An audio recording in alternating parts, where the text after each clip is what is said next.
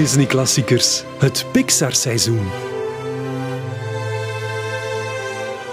Elke aflevering bespreekt Robin Broos een Pixar-film samen met zijn centrale gast.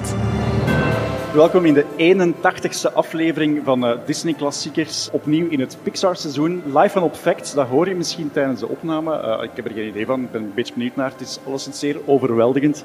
En naast mij zit een geweldige illustratrice en cartoonist. Ze is bekend als niet nu Laura, maar eigenlijk heet ze gewoon Laura Jansen. Ze maakt strips over het alledaagse leven, over kroketten ook en over hamsters. Ja, dat is eh, een hele mooie samenvatting. Daar komt het ongeveer op neer, denk ik. Hè? Uh, heel veel hamsters, heel veel kroketten en chips. Uh, ja. je, bent al, je bent al even op facts vandaag, hè? Ja, ik heb net een signeersessie gedaan met de standaarduitgeverij. En dat was heel leuk. ik had heel veel stress wel. Maar... Waarom? omdat het een nieuw boek was dat ik signeerde. En normaal oefen ik thuis wel een beetje op de droedels die, die dat ik wil maken tijdens signeersessies, maar ik had er de tijd niet voor gevonden. Dus het eerste boek dat dan voor mij gelegd wordt en dat je moet signeren en dat je voor het eerst een nieuw figuurtje in moet tekenen. En ik dacht, oh, don't fuck this up. Uh, Maar waren de mensen een beetje lief? De mensen waren heel lief. Ik heb ook een heel mooi cadeau gekregen van iemand. Uh, ze, heeft een, ja, ze heeft een houten bordje. Uh, Shit, ik zou eigenlijk haar kaartje moeten halen, want uh, dat, dat, ik reclame voor haar shop kon maken, maar het ligt nog in mijn chacos. Maar ze heeft een hele mooie, mooie winkel uh, met, waar ze zo zelf bordjes graveert in hout en ze had een, een Philip bordje gemaakt voor mij. Ja, Wauw. Heel ja, mooi. En Philip is jouw personage natuurlijk, Ja, de Philip hamster. is mijn hamsterpersonage. Ja. Is, dat, is die ook echt? Is Philip echt? Bestaat er een echte hamster die nee, Philip ik heb nooit een hamster gehad. Nee. Uh, want het gaat, eh, Philip en Giovanni zijn ook twee hamsters die dat samenwonen. Maar je mag twee hamsters in het echt absoluut niet samenzetten. Die verscheuren elkaar. Hè. Die uh, bijten elkaar poten af en zo. Je mocht dat niet doen. Dus nee, het is fictief. Heb je daar al grappen over gemaakt in je strips? Nee, nee, want ik had vroeger een vriendin die dat een hamster had en ze vond dat heel zielig dat, uh, dat die alleen zat, die hamster. Dus heeft daar een tweede voor gekocht en dat is echt gruwelijk misgegaan. Dus dat is echt een, een trauma. Ik blijf weg van dat thema eigenlijk. Uh, Ja. ja. Ongelooflijk. Zeg, uh, deze podcast heet nog altijd Disney Klassiekers. Ja. Ben jij een Disney-fan? Ik denk dat ik wel een, een genoeg Disney-fan ben, ja. Ja. Wat was de eerste die je ooit gezien hebt? Oeh. Um, ah, jawel, jawel. Ik weet, de eerste dat, dat ik echt gezien heb, gaat denk ik Robin Hood geweest zijn. Want mijn uh, oma had die opgenomen van een tv en die had zo letterlijk vijf videocassettes of zo. Vijf Disney-films denk ik ook. En dan Who Framed Roger Rabbit. Uh, een beetje uit thema, maar... en um, ja, gewoon steeds opnieuw en opnieuw die vijf cassettes. Dus Robin Hood heb ik heel veel gezien. Dumbo, Bambi. En de eerste dat ik in de cinema heb gezien is De Leeuwenkoning. En hoe oud was je toen? Ik zat nog in de kleuterklas, ik was nog wel klein. Dus dat was best wel heftig voor een jong kind. Ja, ja ik herinner mij dat uh, bij de Leeuwenkoning, wanneer de, ja, de gnoes, of wat, wat zijn de beesten daar in de kloof? Gnoes of Ja, ik denk het. Hè? antilopen? Ja. Nee, nee, nee, nee, ik denk dat je gelijk hebt. De gnoes, ah ja, hè? gnoes, ja. Wanneer die zo naar beneden gaan in de kloof, uh, ben ik echt onder mijn papa zijn t-shirt weggekropen omdat ik het zo eng vond. Dat is echt nog een herinnering dat ik heb aan die film, ja. Ja, zoals wij allemaal. Trouwens, het, het jaar van uh, The Lion King is ook de eerste Toy Story uitgekomen. Heb je die ook al redelijk jong gezien? Ik denk dat ik die ja, misschien ook wel in de cinema heb gekeken. Dat kan wel, ja. Ja. Uh, want Toy Story, daar schreef je onlangs over op Twitter. Toy Story is de reden dat er drie kartonnen dozen oude knuffelbeesten liggen te schimmelen in ons bergkot. Ja, ik vind als je zo ene keer Toy Story hebt gezien, je krijgt dat nooit meer uit je hoofd, dat die dingen misschien leven. Hè? En als je zegt van ja, boing, gooi dat weg, dat dat eigenlijk echt ja, heel, heel erg is om te doen. Ja, dat, dat zit wel echt in mijn hoofd. En, um, en het ding is van, ondanks dat dat in mijn hoofd zit, elke keer als we op de kermis zijn in het Lunapark, dan wil ik ook een beer vangen of, of, sparen voor een beer. En dan zegt mijn vriend ook altijd, maar waar gaan we dat zetten? Dat gaat hier... Ja, wat gaan we daarmee doen? En, en uiteindelijk belandt dat dan gewoon in een doos. Omdat ik dat dan niet kan weggooien, maar ook niet gehecht genoeg aan ben om dan te houden. Ja, en, ja. een beetje het drama van Andy uit uh, Toy Story, dat je dan zelf opnieuw beleeft. Ja, inderdaad. Dus ik moet eigenlijk echt wel stoppen met, uh, met beesten in het Lunapark. Want inderdaad, ja, dat is zo voor de ervaring. Je wilt dat hebben, maar dan eens dat dat is, dan is het van oei, ik heb daar eigenlijk geen plek voor, maar ik kan het ook niet weggooien van Toy Story. Dus ja, dat is een trauma dat rechtstreeks uit uh, Toy Story voortkomt. Een, een, luisteraar van deze podcast, Peter Beekhuis, stuurde mij onlangs een meme door van Toy Story. En daar stond op, stel dat uh, een speelgoedfiguur doodgaat, dan speelt Andy, of in dit geval nu Bonnie, dus met een, uh, ja, met een dood lichaam. Ja, dat is eigenlijk wel, uh, wel griezelig. Hè? En een van de, de, de, twee shorts dat wij hebben gekeken voor de podcast vandaag, daar werd ook op een bepaald moment over spoken in gebabbeld. En dan dacht ik ook van, is dat een concept voor dat speelgoed? Kunnen die doodgaan? Is dat iets dat die kan overkomen? Ik vond, ja, dat was een, een hele intrigerende vraag dat eigenlijk opkwam. Zo, ja. Stel je voor dat die het eeuwige leven hebben. Dat is ook niet leuk, hè? Speelgoed wel en wij niet. Denk ik. Misschien is speelgoed is dat zo een beetje zoals... Um, ja, ik weet niet, zo, zo, zoals in Coco, hè, wanneer dat, dat, dat, er niemand u meer herinnert, dat je dan verdwijnt. Misschien bij speelgoed, als er nooit meer mee gespeeld wordt, dat die op den duur ook verdwijnen. Dat die naar de Land of the Dead gaan. Ja, zoiets. Een speelgoedhemel. Je gaf het al even aan. Hè. We hebben gekeken naar twee tv-specials die gemaakt zijn van Toy Story. Dus na Toy Story 3 hebben ze bij Pixar eigenlijk gekozen om, uh, nog lang voor het sprake was van een Toy Story 4, om twee verhalen uit te werken voor televisie, voor ABC. Dat is het netwerk van Disney. En de eerste die we zo bekeken hebben, die heet Toy Story of Terror. Ja, een soort van Halloween special. Dat is uh, ook wel mooi in deze periode nu. Inderdaad, en ik kijk ook wel graag horror, dus uh, ik was heel benieuwd wat ze in Toy Story qua griezeligheden gingen doen. Serieus, is dat een genre waar je van houdt? Ja. ja. Van waar komt die interesse?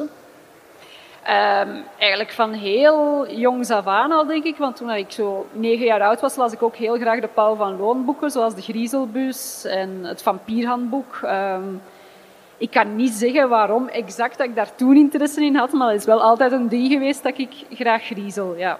Ik denk dat ik jou vorig jaar gezien heb op het Razor Reel Filmfestival ja, in klopt. Brugge. Dus ja, dat is dan wel iets waar je graag naartoe gaat. Dat was um, omdat um, Duister uitkwam. Een film van, uh, van een vriend van ons. En uh, ja, mijn vriend en ik hadden bijgedragen aan de crowdfunding. Dus daarom uh, wouden we ah, wel graag cool. eens komen kijken. En dan zijn wij inderdaad op Razor Reel. Uh, heel sympathiek filmfestivalletje. Dus uh, ja, tof. Ik was daar om een, een lezing te geven over muziek in sci-fi films. En ik ga dat dit jaar opnieuw doen, maar dan over fantasyfilms. Ik geef het maar even mee, want we ah, zitten op zalig. facts. En dat is echt wel nog iets wat voor deze doelgroep misschien interessant kan cool. zijn. Maar we hebben het dus over Toy Story of Terror, een tv-film uit 2012. En wat ik altijd even doe voor uh, luisteraars die de film nooit gezien hebben, geef ik een soort van korte inhoud mee. Het is ook maar een korte film, dus ik ga, ik ga er niet te veel over zeggen. Maar het gaat dus over Bonnie, het meisje die nu het speelgoed heeft en die samen met haar moeder op roadtrip onderweg naar haar grootmoeder. Uh, het speelgoed dat ze meegenomen heeft, die zitten ondertussen in de koffer te kijken naar een horrorfilm tot de wagen een lekke band krijgt. En uh, Bonnie en haar moeder moeten dan de nacht doorbrengen in een motel, tot als de takeldienst komt om de auto te repareren. Nu, plots verdwijnt Mr. Potato Head en de, het speelgoed begint te denken, we zitten zelf in een horrorfilm. Wat blijkt, ja, dat speelgoed wordt weggenomen door een soort van uh, tamme leguaan. en die is afgericht door de uitbater van het motel, die eigenlijk spullen van zijn, uh, van zijn gasten gaat stelen om dan te verkopen op tweedehands websites. Ik ga niet alles vertellen, het is maar een korte film, maar heb ik het een beetje goed samengevat? Uh, je hebt uh, het heel goed samengevat en het einde niet verklapt. Dat is ook goed hè, voor de mensen die er nog willen kijken. Uh, ja, ik vond hem zelf ook heel leuk. Er zaten ook heel leuke horrorreferenties in. Ik weet niet uh, of je zelf in het begin de Night of the Living Dead referentie hebt gezien. Wel, ik ben zelf niet zo'n horror ah, fan. nee, oké. Okay. Ja.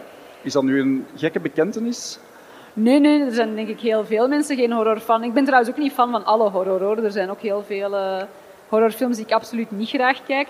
Maar ik vond het heel leuk omdat de, de short begon met um, They're coming to get you, Betsy. Of I'm coming to get you, Betsy. En dat was rechtstreeks een zin uit uh, Night of the Living Dead. Waarin ze dan zeggen They're coming to get you, Barbara. En ook zo op een kerkhof en zo. Dus ja, ik vond het een leuke referentie voor de ja. horrorfans. En naar het schijnt, de, de, makers van die andere Toy Story films, van de, van de echte langspeelfilms, dat zouden ook grote horrorfans zijn. Ah, uh, echt? ja, vooral dan van uh, The Shining. En er zouden ja. ontzettend veel referenties ook naar die film in de Toy Story films zitten. Ja, er zat uh, in de short ook één Shining-referentie. Die heb ik dan ook compleet gemist. Ik ga ook wel toegeven dat ik ze heb opgezocht. Ik heb uh, gezocht op horrorreferenties in de Toy Story short, nadat ik dan die ene wel zelf had opgemerkt. Maar ik dacht, oh, misschien zijn er nog meer die ik niet heb gezien. En blijkbaar zijn ehm, de sleutels van de motelkamers zijn, uh, nagebootst aan, naar die van The Shining. Oh, wauw. Ja. Dat, zie, meestal ben ik degene die zo met de, met de weetjes komt. ik ben blij dat je uh, je huiswerk gemaakt hebt. Ja, maar alleen omdat ik zo'n horrorfan ben, moet ik wel zeggen. Bij de tweede film, uh, hoewel ik ook wel dinosaurusfan ben. Maar... Dat dinosaurusfan, dat is voor de volgende film. Dat is voor de volgende, ja. In deze film wordt er een nieuw personage geïntroduceerd, Combat Carl. En die praat altijd in een soort van koninklijk meervoud over zichzelf. Ja, dat was echt heel leuk. Wat ook heel leuk was, was dat er al eh, een tijdje een meme van rondging. En dat ik elke keer dacht van... Ik herinner dat stuk precies niet uit Toy Story. En dankzij de short weet ik nu van... Ah, oké, dat komt uit dit uh, filmpje, die meme, ja. ja blijkbaar is dat de naam van een actiefiguur van Sid. Hetgene wat hij zou opgeblazen hebben in de allereerste Toy Story. Ja, dat had ik ook gelezen in het uh, Easter egg artikel dat ik had opgezocht. Ja, dat was wel cool, hè. Um, want ik las dat hij blijkbaar ook eerst een rolletje had in de derde film, maar dat ze dat er uiteindelijk hebben uitgeschreven. Ah, dat heb ik dan weer niet gelezen, zie je. Ja, ja Combat Carl. Maar uh, Combat Carl vond ik een heel leuk, sympathiek personage. Ook uh, Junior Combat Carl, ook heel schattig. Ja, het deed mij een beetje denken. Ik heb ooit als student Belle Perez geïnterviewd. dit is raar, hè? Dit is raar wat ik nu ga zeggen. En die sprak de hele tijd in dat interview over Belle Perez. Oh. ik vond dat heel gek en ik heb dat dan gevraagd. Ja, waarom doe je dat? Ja, maar ja, anders dan ben ik zo maar altijd bezig over ik, ik, ik. Dus ik, had, ik moest op een gekke manier denken aan Belle Perez ah, toen ik deze film zag. Dat komt eigenlijk wel vanuit een, een mooi uitgangspunt als ze dat zo uh, op die manier zegt. Ik herken het ook wel omdat uh, wanneer ik mij over mijn eigen figuurtje bezig ben. Ik noem dat dan ook altijd ja, het Laura-figuurtje. En dan zie je mensen zo ook denken van, zijt je dat niet zelf? Waarom noemt je dat Laura-figuurtje? Maar bij mij is dat dan omdat er toch een zekere afstand is tussen mij als persoon en mijn stripfiguurtje. Dus, uh, dus ja, soms spreek ik ook over mezelf dan uh, op die en van, manier. van waar komt uh, de, ja, de, de, de artiestennaam dan eigenlijk? Niet nu, Laura? Um, wel, ik tekende sowieso altijd heel veel strips. Ook um, in, in het hoger, op de achterkant van cursussen tussen twee lesuren door en zo.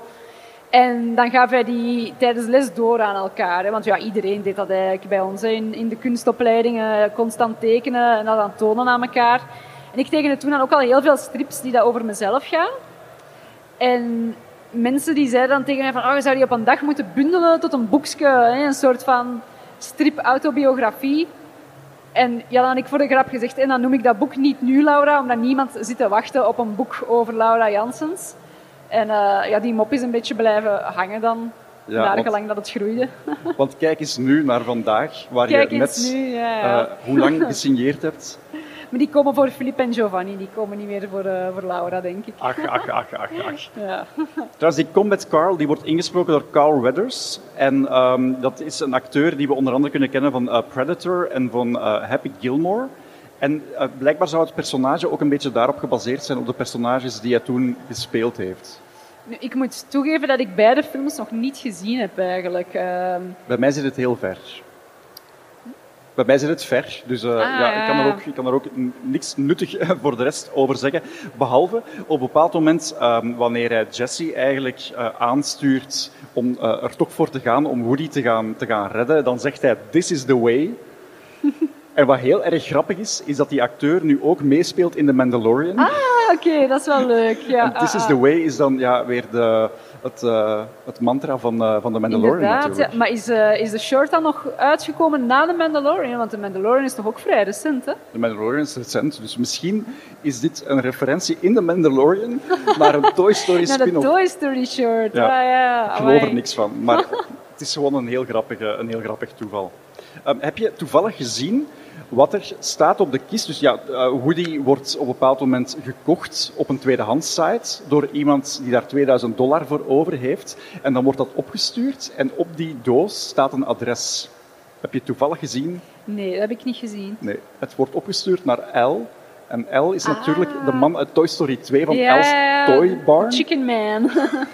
Chicken Man.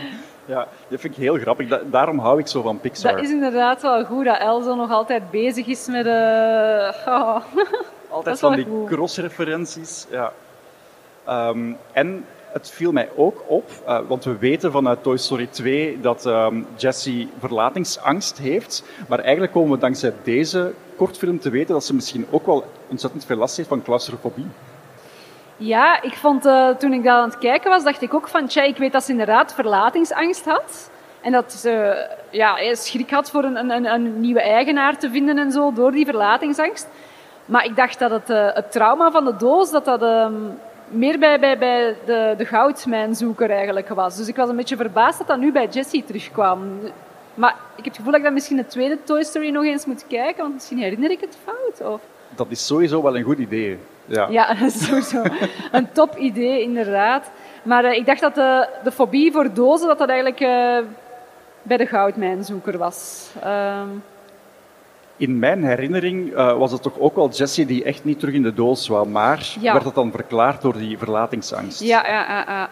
Het was wel mooi, hè, hoe ze haar angsten dan overwon uiteindelijk. Ja, sowieso. Nu, ik vind wel mooi. dat deze kortfilm, behalve dat het een, een, een heel aardige kortfilm is, dat er toch wel heel veel thema's terugkomen die al in die Toy Story films zaten. Een beetje recyclage van iets wat we al gezien hebben. Ja, dat gevoel had ik eigenlijk ook wel een beetje af en toe. Um, en, en, ja, inderdaad, wat je zegt, zo dat je het gevoel hebt van, ik heb het ergens al een beetje gezien. Het is wel leuk, zeker voor kinderen, maar ik vraag me af of het voor mij persoonlijk... Uh, goh, ja, ik vind de, de, originele Toy Stories zijn nog altijd wel mijn favorieten ten opzichte van... Ja, dus, maar het was geen straf om het te moeten bekijken nu.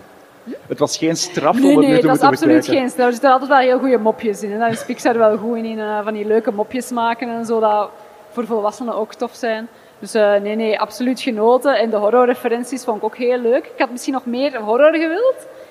Ik had ze wel heel leuk gevonden als het echt een griezelige Toy Story was geweest. Zo, uh... Hoe zou dat eruit zien? Ja, misschien met griezelig speelgoed. Hè. Er bestaan enge poppen. Hè. Gremlins of zo. Een gremlin poppetje. Een Furby dat helemaal doorslaat. Of dat ze echt doodgaan. Ja, maar dat is dan weer te zielig voor een Pixar-film. Ah ja, Pixar-films zijn vaak heel zielig, maar ze moeten wel goed aflopen. Hè. Dus, ja, uh... dat is wel waar. Uh, een personage dat er trouwens niet in zit, is Ham. Ja, dat was mij ook opgevallen. Ja. Hij werd wel vernoemd, dus hij bestond nog, hij werd vernoemd, maar hij kwam niet voor erin. Hè. En uh, de regisseur uh, van deze kortfilm dan, Agnes McLean, die heeft dat ooit uh, verklaard waarom dat was. Die zei, ja, als Bonnie op vakantie gaat naar haar oma en ze kan maar een beperkt aantal stukken speelgoed meenemen, waarom heb je in godsnaam een spaarvarken nodig op vakantie? Daar is eigenlijk inderdaad op een heel eerlijke manier over nagedacht. Ja. ja. Dat is nu, realistisch. Er zitten zoveel crossreferenties in. Hè. Dus Bonnie, het meisje, heeft dan weer een t-shirt aan van uh, DJ Blue Jay. En dat is dan weer een personage uit een Toy Story short en die heet Small Fry. Ik weet niet of je die ooit gezien hebt. Het gaat over um, ja, eigenlijk een hamburgerketen waar uh, kleine versies van, uh, van de popjes bestaan. Dus Buzz Lightyear oh. ziet ineens een mini-versie van zichzelf. Oh, ja, ik heb hem nog niet gezien, maar het klinkt wel heel uh, aimabel eigenlijk. Ja. ja. tof. Het duurt vier of vijf minuten, dus dat kan je gemakkelijk inhalen. Ik ga hem straks opzoeken. de Pizza Planet Truck. Dat is een uh, knipoog, een easter egg die in quasi elke Toy Story film, uh, sorry, in elke Pixar film voorkomt. Ja. In deze ook. Ja. Heb je hem gespot? Ik heb hem niet zelf gespot, maar ik heb wel uh, opgezocht van waar, waar, heb ik hem gemist, omdat ik inderdaad wel wou zien waar, waar, waar, dat hij zat. Want ik had hem gemist precies, ja. Dus waar zit hij? Ik ben het terug vergeten, je moet het zo even Het is een, een, een, flyer in het uh, kantoor van de uitbater van het motel. Just, en daar hangt een flyer juist. voor Pizza Planet. Daar hangt trouwens ook een uh, schilderijtje van een dinosaurus onder bomen. En dat zou dan weer een verwijzing zijn naar een volgende Pixar-film, The Good Dinosaur. Ja, klopt. Ja, dat had ik dan weer wel gezien, denk ik. Uh, omdat, of dat had ik gelezen alleszins in mijn uh, Easter egg-lijstje. dat is inderdaad ook bij elke Pixar-film dat dat toch wel terugkomt, een referentie naar. En um, soms is dat heel opzichtig, maar bij deze was het iets subtieler. Ja, want je gaf in het begin al aan um, dat um, die, die kortfilm begint met een, een soort van horrorscène waar je dan duidelijk referenties in ziet die ik niet gezien heb. Maar er zit ook een referentie in naar een Pixar-film. Dus op een bepaald moment zie je een, een grafsteen en daar staat op Rest in Peace Simon J. Palladino. En dat is, een, uh, dat is eigenlijk de, de geheime identiteit van Gazerbeam. En dat is een superheld uit The Incredibles. Dus die is blijkbaar overleden. Ah ja, oei. Dat is uh, wel mooi dat er dat dan toch in terugkomt. Er zit, je mag meespieken op mijn voorbereiding. Er zit ook het logo van By and Large ah, okay. in deze film. By Kijk, and Large. Sorry, ik, ik, want het is hier, uh, we zijn live aan het opnemen en af en toe hoor ik jou niet heel goed. Dus ik dacht van, oei, over wie gaat het? Maar nu dat ik het lees, ja, Gazerbeam uiteraard. Ja, ja, Gazerbeam ken ik wel, ja, van The Incredibles. Het is een eh, Super. gek soort gesprek, hè, want we horen heel veel echo uit de ruimte, maar we horen dit is, elkaar... eh, ja, we eh, zitten onlangs... Ik zitten vraag we- af, de mensen thuis gaan ons waarschijnlijk wel heel goed kunnen horen, maar ik Sowieso. moet echt... eh, Sowieso. ik moet echt heel hard concentreren om, eh, om u te horen op dit En moment. nogthans, ik zit maar een halve meter verder. Dat is hè. raar, hè? Het is echt eh, heel gek. Ja, maar Gazerbeam, uiteraard. Ja, maar ja, dat, is, dat is natuurlijk het geweldige. Dit is Vlaanders Expo. Hier zijn duizenden mensen en die zijn, allemaal, eh, die zijn niet allemaal naar ons aan het luisteren natuurlijk. Nee, nee, maar er zijn hier misschien wel mensen verkleed als Pixar-personages, dus dat is dan ook wel tof. heb, oh, heb jij er al gespot vandaag? Ja, ik heb eh er straks een uh, Sadness gezien. Sadness. Ja, dat was is heel leuk gedaan. leuk gedaan wel. Ja, Ja, maar wel een leuk. treurig personage. Zowel een heel vrolijke Sadness. Een vrolijke Ja, een sadness. super vrolijke Sadness in de CE-rijder straks, ja. Alright. Ik ga hier zo meteen toch nog even rondlopen om die zeker nog te spotten. Eh, maar dus er zit een logo in van By and Large. Dat is het grote concern eh, waar Wally rondgebouwd is. En dat plakt op de deur van het motel. ja. Dus eigenlijk in de wereld van Pixar is alles met elkaar verbonden. Dat is eigenlijk in het geval van Wally wel een beetje deprimerend dan, hè? want dat wil zeggen dat alles nog slechter gaat worden dan. ja, dat is waar. Ja, Dus. Maar eh, zoals het nu eh, met onze planeet eraan toe gaat, is dat misschien ook wel... Dat is, misschien, misschien, misschien is Wally eigenlijk nog de goede uitkomst, eh, als we heel eerlijk zijn. Ja, we gaan, we gaan nog spijt hebben dat het niet waarheid wordt. Ja. Er loopt hier een Wally rond, hè, dus we kunnen hem inschakelen. Lo- Ja, ja, ja, er is hier een Wally. Er is een Wally. Er is een Wally-robot hier ergens, ja. Ik heb daar juist al een parade van R2-D2's gezien. Ah wel, maar daar was ook een Wally bij. Ah ja, die heb ik dan weer net gemist. Ja, hij was misschien op stap. Ja, dat zou goed kunnen. Eh, heb je een idee van of die film het eigenlijk goed gedaan heeft? Dus die is op tv uitgezonden. En hoeveel score dat hij heeft gekregen. Of, eh, Ja, wacht, van deze heb ik geen kijkcijfers gevonden, van de tweede wel. De tweede, ik ga het gewoon zeggen, de tweede heeft eh, 6,8 miljoen kijkers gehad. Wauw. Dat is wel, wel chic, toch? Ik heb daar niet zo heel veel zicht op. Zou dat veel zijn? Ik vind voor iets dat maar 20 minuten duurt, dat dat eh, wel Ja. een heel mooi cijfer is. Ik ben zelf ook bezig met een serie nu en als ik 6 miljoen kijkers zou zou ik heel gelukkig zijn. Ja, dat is waar. Dat is waar. Rotten Tomatoes, daar heeft 94% van de critics eh, het aangegeven als een, eh, een, een bekijkenswaardige Ja. film. Dus dat is eh, toch, wel, toch wel zeer goed. En de New York Times die hadden geschreven dat, eh, want heel veel van, eh, ja, eigenlijk vooral televisieseries, die maken zo wel eens Halloween specials. En die zijn vaak zowat eh, op het randje van crunchy. Maar dat in dit geval, eh, dat, dat de, de recensent had nooit gedacht dat hij het woord charming ging gebruiken in de context van een Halloween special. Ah, zalig. Ja, dat is wel fijn. Maar again, ik had het nog wel cool gevonden als het zo echt heel Halloween geweest was. Wat dat die persoon dan blijkbaar niet graag heeft. Maar, ehm, maar ja, je zou zo echt een Halloween Toy Story met zo allemaal griezelig speelgoed. Ik vind dat ze dat eens moeten maken. Zo, eh, in de jaren tachtig, toen ik kleuter was, dan waren er zo van die handpoppen en dat waren monsters. Ik ken het merk niet meer, maar ik had Oei. daar schrik van. En die werden verkocht in een vierkante kartonnen doos en die zaten zo achter tralies. Oei, ah, het zegt mij vaag iets. Maar ja, dat zijn ook poppen die dat ergens bij iemand op zolder staan, dat s'avonds tot leven komen. Hè? Ja, en die dus- moeten ook vriendschap sluiten met alle andere speelgoed. Je Maar hebt- zouden die, dan, zouden die dan vriendelijk zijn op zich? Ik denk dat wel. Ik denk dat die heel vriendelijk kunnen zijn. Je hebt zo, dat vind ik ook wel grappig speelgoed, zo van die popjes die dat er zo heel snoezig uitzien. En als je dan op die in buikje drukt, dan verandert die in gezicht zo in een grommend, gruwelijk gezichtje. Zo. Ik weet niet of je die al hebt gezien. Nee. Maar ik vraag me echt af van, stel dat die meedoen in Toy Story zo, en dat die dan ook zo eh, van die woede aanvallen krijgen en dat dat gezichtje dan zo helemaal boos wordt. eh. ja, nee, ik zeg het, ik zie heel veel opties voor een Halloween special met griezelig speelgoed. Ja, misschien moeten we daar gewoon eens een andere aflevering voor afspreken. En we, we- op voorhand denken we goed na over hoe het er moet uitzien. En dan gaan we gewoon een uur brainstormen. We gaan pitchen, we gaan pitchen in eh California binnenkort. We doen dat. We, gaan, eh, we, we kopen een ticket naar Emeryville en we gaan dat daar inderdaad gewoon Ja, voorstellen. voilà. Want ja, ik denk wel dat die Toy Story franchise dat dan nog lang gaat duren.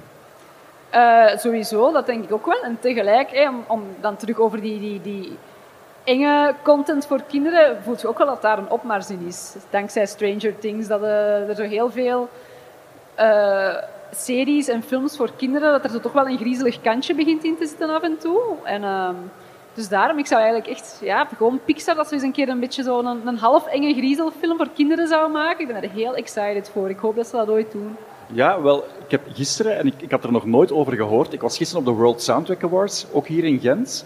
En uh, een van de uh, winnaars, of ja, die kreeg een soort van uh, ere-award. Dat was Bruno Coulet, een Franse filmcomponist. Die heeft de, film, de muziek gemaakt voor Coraline. Oh, prachtige film. Ja. Favoriet, ja. En dus die twee, dus ja, die regisseur en die componist hebben al vaker samengewerkt. Hebben nu trouwens een film gemaakt die binnenkort, ik denk op Netflix komt, maar dat weet ik niet zeker ja. of het op Netflix is. Met ja. Jordan Peele. Ja. Ja, ja, klopt. Maar die hadden blijkbaar ook een project voor Disney. En dat ging een Disney-Pixar co-productie zijn en dat heette Shadow Man. Ah, en ze hebben daar super lang aan gewerkt, 50 miljoen dollar ingestoken. En op een bepaald moment heeft Disney gezegd, nou, we gaan het toch niet uitgeven. Maar te eng was? Omdat het waarschijnlijk, omdat zij dachten, dit is commercieel niet interessant. Ah, jammer wel. Dus eigenlijk inderdaad, maar wat je zegt met die opmars van Stranger Things, dat soort Ja. van content voor jongeren. Maar ik ben onlangs ehm, naar een, eh, een co-productiefestival geweest in het buitenland voor ehm, kinderseries en eh, films. En je zag dat effectief heel vaak terugkomen, dat horror-element. En die hebben dan ook altijd zo een moodboardje van we willen deze sfeer creëren. En daar stond altijd Stranger Things bij. Dus, eh, dus ik denk dat we de komende jaren heel veel griezelige en, en enge films voor kinderen gaan zien. En ik hoop, hè, want, want Coraline vind ik bijvoorbeeld een fantastisch mooie film. Eh, eh, geen Disney-film wel, maar... eh, en ik vind die zo goed, omdat die ook niet moraliserend is of zo. Want dat is zo wel een beetje het risico. Heel vaak is, is horror voor kinderen, steken ze daar zo een boodschap in. Zo, hè, van, van de, de monsters willen gewoon onze vrienden zijn. De monsters zijn ook maar monsters. En, en, en dat is wel mooi, maar ik zou het ook wel tof vinden. Zo gewoon een enge film op kindermaat, zoals Coraline. Maak dat meer. Ik zit er echt op te wachten. Ik wil gewoon dat dat heel veel gemaakt wordt. Vorig jaar is er zo zelfs een Vlaamse film gemaakt, De Gebroeders Schim. Als ik het Ah ja, ja de gebroeders Schim was ook heel Ja. leuk, heel tof. Ja. Maar die, ja, ik, ik heb niet het gevoel dat daar veel volk naartoe gegaan is. Ik weet het niet zeker, hè? Dat, goh, volgens de, de makers zelf is daar inderdaad niet superveel volk naartoe geweest, wat ik eigenlijk wel, wel jammer vond. Allee, voor hen, maar ook gewoon voor het publiek, want het was echt wel een heel toffe film. Dat denk ik eh, zeker voor kinderen echt goed was, want daar zaten enge stukken in. En er zat ook wel een boodschap in, een beetje, dat wel, maar hij was wel heel grappig. En dat mag de boodschap. Als het een leuke, grappige film is, dan kan ik leven dat er een, eh, een, een boodschap in zit. Tuurlijk. En ik heb de makers ook horen zeggen dat zij eh, regelmatig ook eh, de, de film gingen introduceren in bioscopen en achteraf dan met kinderen in gesprek gingen. En dat kinderen dat eigenlijk best wel cool vinden. Ja, ja, ja dat is, ik ben ook naar de première geweest en ze hadden dat heel tof ingekleed. Ze hadden ook ehm, zo van alles daar rondgemaakt. Zo, er waren zo trailers voor speelgoed dat zo gezegd uit de film zou verder komen en van videogames en zo. Dat was eigenlijk echt goed gedaan. Dat was heel grappig en, en authentiek en zo. Ja, ik was van. Volgens mij staat de film intussen op streams. Klopt. Dus dat is absoluut wel een aanrader. Ja, zeker, absoluut. Ja. Ook voor volwassenen trouwens. Eh. Heel graag. Er is een hele goede beginjoke in die film. Daar heb ik echt heel hard mee gelachen. Ik denk hè, dat ehm, zo van die griezelige dingen voor kinderen, dat dat zoiets is, als je dat dan samen doorgemaakt hebt in de bioscoop of voor de tv, dat je zo een stoer gevoel krijgt.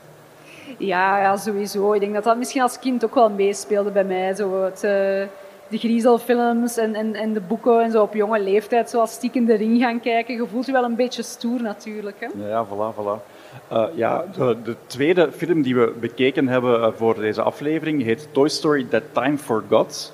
Het is een kerstspecial, maar ehm, griezelig is misschien niet het juiste woord, maar er zitten toch ook wel wat slechteriken in. Ja, dat, dat was, ehm, daar was ik nog wel van verschoten. Ik vond dat hij misschien zelfs griezeliger was als de horror special. Ehm, maar eh, ja, ik ga misschien al te veel verklappen. Misschien moet jij eerst de korte inhoud eens een keertje Ja, voorlezen. ik ga de korte inhoud voorlezen. Dus Trixie, Trixie is de, de dinosaurus van Bonnie. Die is een beetje verdrietig omdat Bonnie eh, nooit met haar speelt in de rol van dinosaurus. Dus ze mag nooit dinosaurus spelen. Intussen is er een soort van aankondiging bezig in fact. Misschien heel even wachten tot die voorbij is. Celine, zeven jaar, is haar mama kwijt. Eh, Trixie die is dus triest omdat Bonnie nooit met haar speelt in de rol van dinosaurus. En dan ja, op een dag Bonnie gaat spelen bij een vriendje, bij Mason. Eh, het speelgoed gaat mee. Maar Mason en Bonnie die besluiten om een computerspel te gaan spelen waarop het speelgoed achterblijft in eh, de kamer waar al het andere speelgoed van Mason ligt. En Trixie ziet daar een doos van nieuw speelgoed, wat nog niet uitgepakt is. Dat heet Battle Source. En eh, ja, wanneer ze dan de rest van de kamer verkennen, komen ze eigenlijk terecht in een landschap vol van die battle source gebouwen. En ze worden omsingeld ook door dat speelgoed, want die zijn een beetje vijandig. Ehm, dus die, dat speelgoed die zijn deels dino en deels zijn die gladiatoren. En die worden geleid door uh, uh, Reptilus Maximus en hun spirituele leider, de Cleric. En uh, Rex en Trixie ja, die krijgen een harnas van, van, van, die, van die andere dino's, want die denken natuurlijk, oh, dino's onder elkaar, dat is heel leuk. Maar Buzz en Woody die worden gevangen genomen en het heeft er vooral mee te maken, en daar denk ik dat er weer zo'n cross-referentie zit naar de eerste Toy Story. Die Battle Source die hebben blijkbaar niet in de gaten dat zij speelgoed zijn. Beetje zoals Buzz Lightyear in de eerste Toy Story niet in de gaten had dat hij maar een pop was. Ja, ze werden eigenlijk ook een beetje voor de gek gehouden. Hè? Want hun meester wist wel dat ze speelgoed waren, maar die had daar geen boodschap aan of zo. Die vond het leuker om uh, opperbevelhebber te zijn. Opperbevelhebber? Ja, gever? Maar ik kan niet uit mijn woorden komen. Ja, ja, ja, ja. En we willen sinds graag de baas spelen over uh, de andere dino's. En hij vond dat belangrijker dan de waarheid eigenlijk zeggen tegen de dino's. Hè? En dat was... Uh, ja, ik vond het een, nog wel heftig voor Toy Story, omdat... Um, op een bepaald... Ja, inderdaad, een, een gladiatorenarena. En je ziet op een bepaald moment echt een stuk speelgoed letterlijk uit elkaar gescheurd worden. en toen had ik dus echt de vraag van, is hij nu dood? Of heeft... Ja, wat, wat, is het leven voor een stuk speelgoed? Is hij nu dat hij uit elkaar gescheurd is dood? Of leeft hij nog, maar ligt hij zijn hoofd daar en zijn arm daar? Gelijk bij, bij Mr. Potato Head, die kan ook met zijn arm en zo. Die leeft ook gewoon wanneer dat die uit zijn lichaam getrokken wordt. Dat is ja, echt heel veel existentiële vragen dankzij deze afleveringen over het uh, doen en laten van speelgoed en, en hoe dat die tegenover de dood staan. Want het deed mij ook een beetje denken, het feit dat die, hè, de, de, dat, dat hoofdpersoon, die, die, die leidersfiguur, dat die eigenlijk, eigenlijk speelt die met macht. En dat zit dan ook weer heel erg in Toy Story 3, waar je dan die Lotso Hugging Bear hebt. Ja, ja die aanvankelijk wel een sympathiek uh, stuk speelgoed blijkt te zijn, maar eigenlijk blijkt hij ja, in, in het echt gewoon uh, ja, ja, dat een was, max beluste roze beer. Ja, en dan is dan deze er beter van afgekomen eigenlijk. Hè? Want die mag gewoon op de kamer blijven en uh, meespelen en zo. Terwijl dat, de beer in Toy Story 3 ook eigenlijk wel echt een erg einde had nog. Allee, verdiend, maar ja. Wat ik wel tof vind, is zo, ja, dus in die wereld van die battle source, die hebben ook allemaal attributen en toestanden. En dat ze dan uh, zowel uh, Trixie als Rex ook zo aankleden, alsof zij ook gladiatoren worden. Ja, ja, dat was wel heel schattig. Ook zeker dat, uh, dat Rex dan lange armen kreeg, dat was wel, ja, vond ik heel tof. en als, als we dan aan het einde zien dat Bonnie terug met haar eigen speelgoed aan het spelen is, dan heeft ze... Um, ja, een zelfgetekend gewei op Rex en op Trixie geplakt, alsof het baby-rendieren zijn. Dat vind ik dan eigenlijk wel weer super schattig, want er wordt dan toch terug met hen gespeeld. Ja. Niet in de vorm van dino's, wat ze zo graag wilden, maar wel iets heel erg cool. Namelijk de fantasie van dat kind, dat moet ongelooflijk zijn. Ja, ja, ik vond dat ook uh, heel herkenbaar als ik keek, omdat zij ook speelde met... Uh, Bonnie speelde ook met haar kerstboomversiering. En dat deed ik als kind ook. Um, ik ging zo soms in de zomer stiekem naar de zolder om dan de kerstversiering uit de doos te halen en daar zo echt mee te spelen, alsof dat poppetjes waren. En... Met, met, met, met kerstballen dan, of met slingers? Of We hadden met... heel veel poppetjes. Dus dat waren engeltjes, kerstmannetjes, uh, beestjes zat daar ook heel veel tussen. Zo'n sneeuwuil, een ijsbeer, ja, allemaal zo van die winterse diertjes. Ja, ik vond dat superleuk. En er zaten ook huisjes bij, en kleine kerstboompjes, allemaal zo voor in de boom te hangen. Maar ik kon er dan zo echt een village mee bouwen. En dat vond ik heel leuk om in de film terug te zien dat dat kindje dat ook deed, met de kerstboomversiering spelen. En dat ze dan eh, in uh, dezelfde lijn eh, dan een kattenversiering. zegt van ja, dit is de, de, de Kittysaurus. Uh, dat dat dan een dino was. Ja, was wel heel schattig. Ja, er, er is zo'n engeltje, Angel Kitty. Dat, is echt mijn favoriete personage van deze kortfilm. Die zegt altijd van die super grappige, bijna spirituele of zo van die. Het zou, zou perfect kunnen staan op zo uh, van die landschapsfoto's die je dan ziet passeren op Instagram. Zo van die inspirational quotes. Ik vond dat ook uh, heel tof, omdat uh, ik heb recent meegetekend aan een uh, Kiekeboe-hommage. Waarin ik vooral met het personage Fanny gewerkt heb. En in het uh, verhaaltje dat ik geschreven heb, hebben ze ook zo een kristal, hè, dat dan zo, zo voor good vibrations moet zorgen. Hè, een, een de, positieve straling van het kristal. Maar ik laat die dan ook zo de hele tijd inspirational quotes roepen, zo, heel onsamenhangend. Eh, en dat deed mij er wel aan denken, omdat dat eh, inderdaad zo diezelfde vibe was. Ik denk dat de, de Kitty Saurus of de Kitty Angel, ehm, dat die haar boodschappen vooral zo heel hoopvol waren. Dat zo echt zo was van heb vertrouwen, alles komt goed. Ja, was leuk. Ik heb er een paar genoteerd. Limitations are the shackles we bind to ourselves. of the joy that you give to others is a joy that comes back to you. Het is een beetje bond zonder naam eigenlijk. Het is wel mooi, zou daar geen echte versiering van bestaan? Dat je zo kunt bestellen en dat dat ook afspeelt. Hè. Vroeger denk ik zo een kerstbal van sociaal incapabele Michiel, dat u zo beledigde dat je voorbij liep. En ik wil eigenlijk nu een kerstbal van, eh, van dat katje, dat al die mooie uitspraken doet wanneer dat ik voorbij de boom loop. Ja. Ik ben speciaal gaan opzoeken van wie heeft dat nu ingesproken. Ehm, ik heb de naam zelfs niet genoteerd. Gewoon, het is- het is een onbekende eh, die, actrice, of eh, kindactrice vermoed ik, die daarna nog één keer eh, aanvullende stemmen gedaan heeft in Inside Out. Ah ja, dat is ook wel fijn. Ja. Als je dat als kind kunt doen, dan moet het wel leuk zijn om op terug te kijken later. Dat denk ik ook wel. Ik zou dat uitbuiten. ik zou een Instagram-kanaal beginnen met alleen maar van dat soort onnozeliteiten. Maar er, er zijn mensen dat zoals kindacteur ehm destijds, hè, want je kunt vaak, ah, of toen toch kiezen uit contracten waarin je zegt van geef mij één keer een bedrag of geef mij een bedrag dat elk jaar terugkomt gebaseerd op views. Eh, en, en, en hoe vaak dat, dat in de cinema is eh, vertoond geweest en zo. En ik heb ooit een interview gelezen met zo'n jonge man die dat dan als kind had meegedaan in Titanic. Maar ook zo geen pratende rol, die kwam gewoon in beeld. En elk jaar ontvangt hij zo nog een check van een paar duizend dollar daarvoor. Dat is eh, Dat is wel heel mooi. grappig. Ja. Als je dat meemaakt. Maar dat gaan wij hier in Vlaanderen nooit meemaken. Hè? Nee. Als je Ah, zo'n ja. bijrol hebt in FC de Kampioenen 4, ik denk niet dat je... Pas op, pas op. Wie weet, over 30 jaar kijken wij dat ook nog steeds. We zijn het nu al 30 jaar aan het kijken, dus we zullen zien. Hè. Ja, laten we het gezellig houden. Ehm, eh, ik, ja, ik ben nog altijd ontzettend grote fan van filmmuziek. Ehm, wie naar de podcast luistert weet dat. Is dat iets waar jij mee bezig bent als je naar een film kijkt? Goh, ik ga niet zeggen van, dat ik er vanaf het begin eh, op gefocust ben.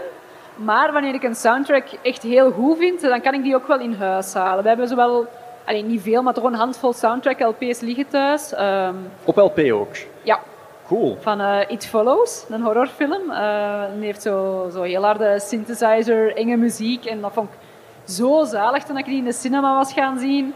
Dat eh, mijn vriend mij die plaat aan heeft gekocht. En, en ja, echt bangelijk. Keigoed. En wat is de laatste die je zelf gekocht hebt? Van eh, filmmuziek. Ehm, niet gekocht, maar gekregen. En ik wou hem ook heel graag. Dat was de soundtrack van Promising Young Woman. Ja, ook heel mooi. Ook heel Ja, mooi. heel cool. Ik heb vorige week die van Coraline gekocht. Ah ja, zalig. Zo'n heel mooie hoes ook, met tekeningen. Ja, zo'n concept art eigenlijk van, eh, Ja, van maar dat was ook een leuke soundtrack. Dat was ehm zo'n indie band. Dat heeft daar ook heel veel nummers voor geschreven. Maar uiteindelijk hebben ze er wel maar één gebruikt in de film zelf, Ja. dacht ik. Ja, klopt. klopt. En Ja. er zitten ook heel veel zo koorstukken in. Daar hou ik wel van. Ik denk dat dat ook wel klopt. Ehm, je merkt dat ook heel erg in zo de muziek van eh, Danny Elfman voor zo van die donkere Tim Burton films. Daar zit zo heel vaak ja, koor in. Op een of andere manier verdoezelt dat dan zo misschien het feit dat je iets griezelig aan het bekijken Ja, bent. ja, dat is waar. Ja. In Coraline is dat ook heel veel, ja, klopt. Maar dus in dit geval, ja, de Toy Story films, die zijn allemaal gedaan door eh, singer-songwriter Randy Newman, die zowel de, de score schreef als de liedjes. Maar in het geval van de, van de spin-off tv-reeks eh, is het gedaan door eh, Michael Giacchino. Michael Giacchino, die eigenlijk begonnen is, zijn eerste film was The Incredibles. Daarna heeft hij Ratatouille gedaan, om maar te zeggen dat zijn al twee compleet verschillende muzikale werelden. En, en dat is echt wel, vind ik, een groot talent.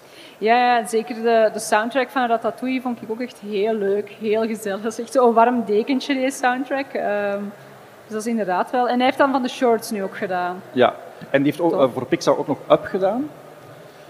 Natuurlijk ook, allee, Up is zeker die, die, die, die begin, die, die, die proloog, die woordeloze proloog met dan die muziek daarbij, waar dat je eh, eerst heel blij en dan heel verdrietig van wordt. Dat is, eh, dat is prachtig. Maar Michael Giacchino eh, die heeft ook Jurassic World gedaan. De drie nieuwe films. En, en omdat we het dan toch over horror hebben, wat vond jij van die tweede Jurassic World die zo op een bepaald moment zo uitmondt in een bijna horrorverhaal in een huis? Ik heb de laatste Jurassic World nog niet gezien. Hebben we het over de laatste? Of De over tweede. e- De tweede. eh, ah ja, juist. Ja, ja, dat is inderdaad in dat huis. Hè. Ehm, juist. Goh. Ik vond die wel, wel, wel cool, maar ik was, eh, spoiler alert, ik was met de, goh, zo het meisje dat gekloond werd met die verhalen en was ik niet helemaal mee. Ja. Maar de scènes in het huis en zo, dan, op een bepaald moment zitten ze ook zo in een, eh, een soort van, van dierentuinkooi zo bijna. Ja, dat was wel heel goed gedaan, ja. Heel dat stuk waar dat kind in zijn bed ligt en dan die dino op het dak hoort en dan schrik begint te krijgen van oh nee, die gaat niet binnenkomen. Eigenlijk had heel die film zo mogen zijn voor mij. Eigenlijk wel. hè. Eigenlijk zouden eens een keer een Jurassic World horrorfilm gemaakt moeten worden. Eigenlijk zouden ze van alles een horrorversie mogen iedereen maken. wordt opgegeten. Ja. ja.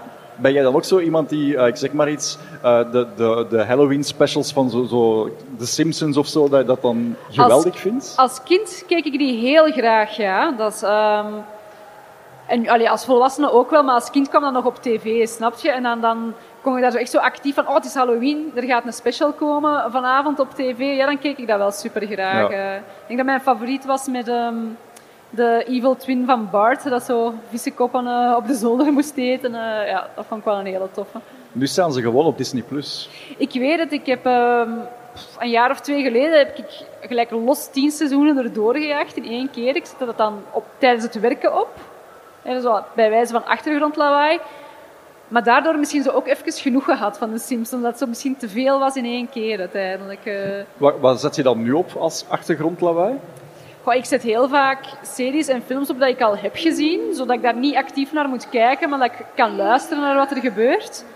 En ja, nu dat we in oktober zijn, heb ik wel heel veel eh, horrorseries opgezet. Haunting of Hill House. ehm, heb ik onlangs nog opgezet als achtergrondlawaai. eh, Heb je dat nodig? Want je zou kunnen denken, als ik mij concentreer, wil ik net geen lawaai. ik heb dat wel nodig. Zo in uh, doodse stilte kan ik niet werken.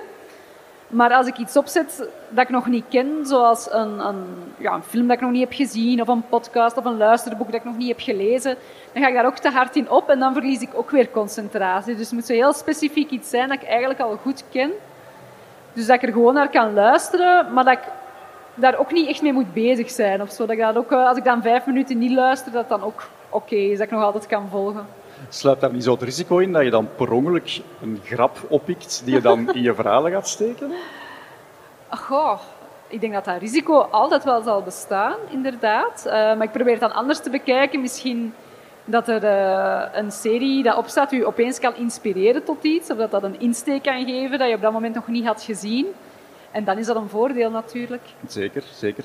Eh, iets wat mij bij die twee specials opviel, en ik weet niet waarom, maar het viel mij op aan het einde, wanneer Bonnie dan terug thuis komt, haar rugzak eh, tegen de grond smijt en eh, de, de kamer verlaat, dan gaat de rits meteen open en dan komt al het speelgoed er meteen uit om de dolle avonturen van de dag te overlopen.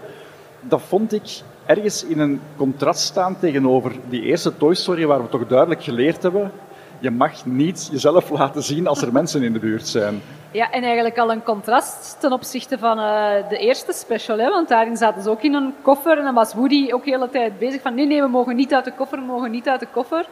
En in het tweede special was hij het zelf al vergeten. Ja, inderdaad. Dus inderdaad. ja, ja, en ik heb me had dat ook tijdens het kijken afgevraagd van amai, die nemen hier eigenlijk wel serieuze risico's. En soms denk ik ook van, ja, doet het dan gewoon. hè. Allee, wat gaat- Zo'n kleine gaat dat niet navertellen. Hè. Dat is waar, dat is waar. Zeg, ben jij iemand die zo die Pixar-films nog blijft volgen als volwassene? Ga je die nog bekijken?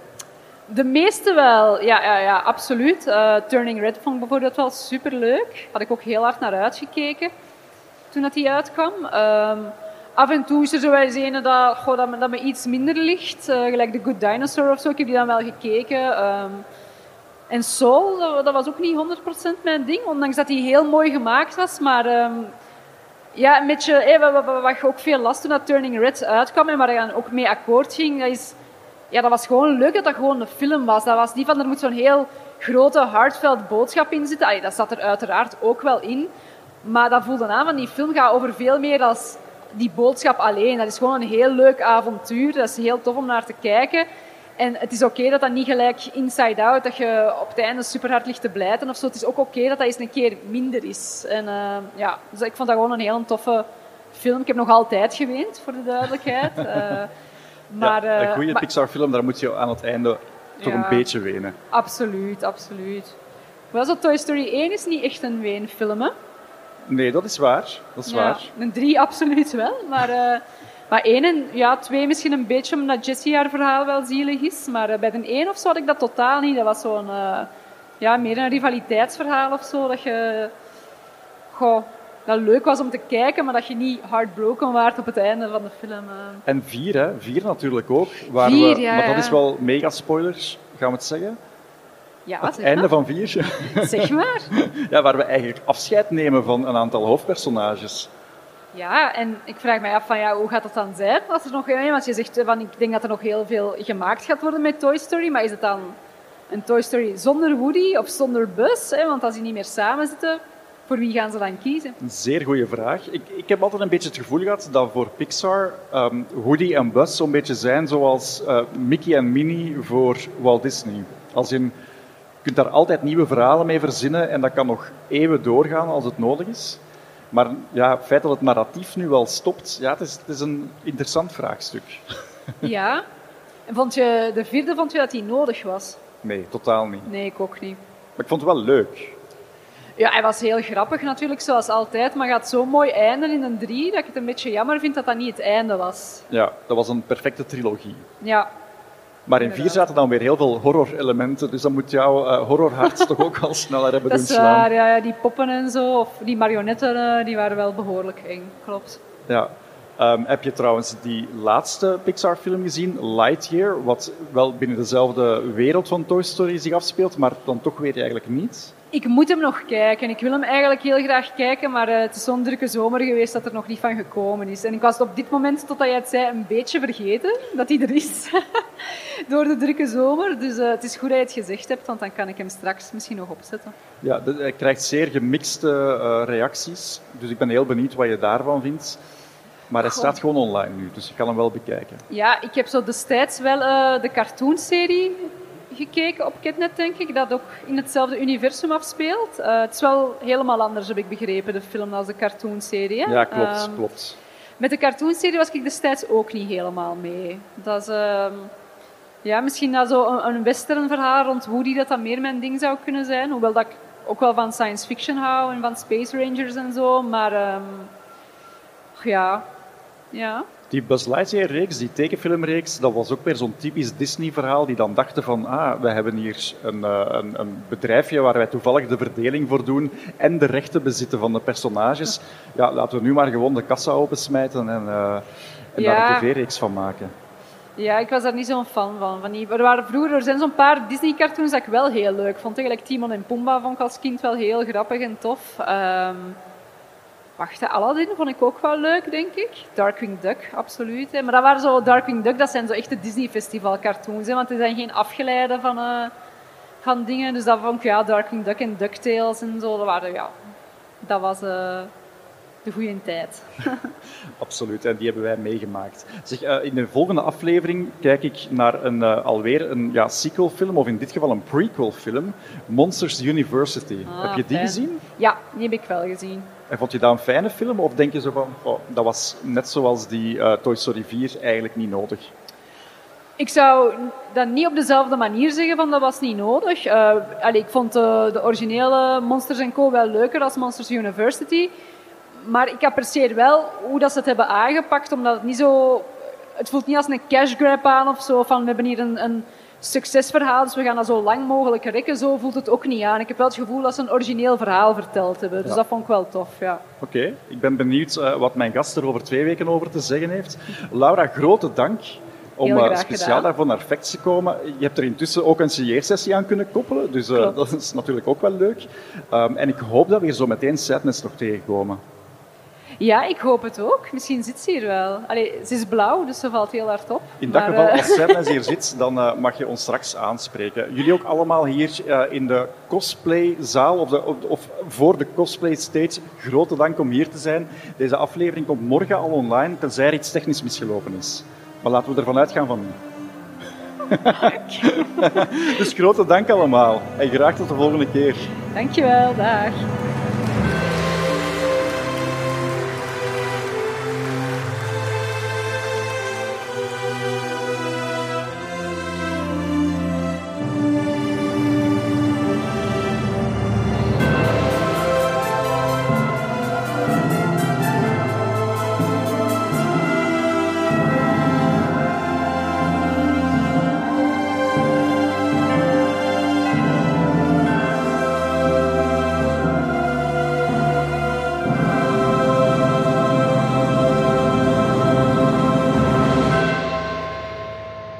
Al je vragen of opmerkingen naar robin.robinbroos.be of post ze onder de hashtag Disneyklassiekers.